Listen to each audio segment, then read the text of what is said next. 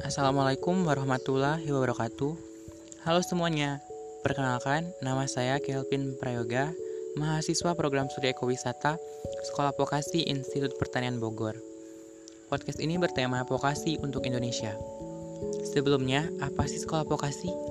Sekolah vokasi atau pendidikan vokasi adalah sistem pendidikan tinggi yang diarahkan pada penguasaan keahlian terapan tertentu kepada mahasiswa dalam rangka mencapai tujuan pendidikan nasional. Mahasiswa akan diarahkan untuk mengembangkan keahlian terapan dan beradaptasi pada bidang pekerjaan tertentu serta dapat menciptakan peluang kerja.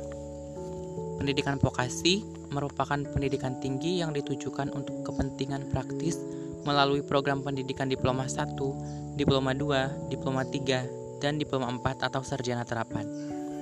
Lulusan pendidikan vokasi akan mendapatkan gelar vokasi seperti ahli muda, ahli media, dan sarjana sains terapan. Di Sekolah Vokasi IPB memiliki 17 program studi, salah satunya program studi ekowisata.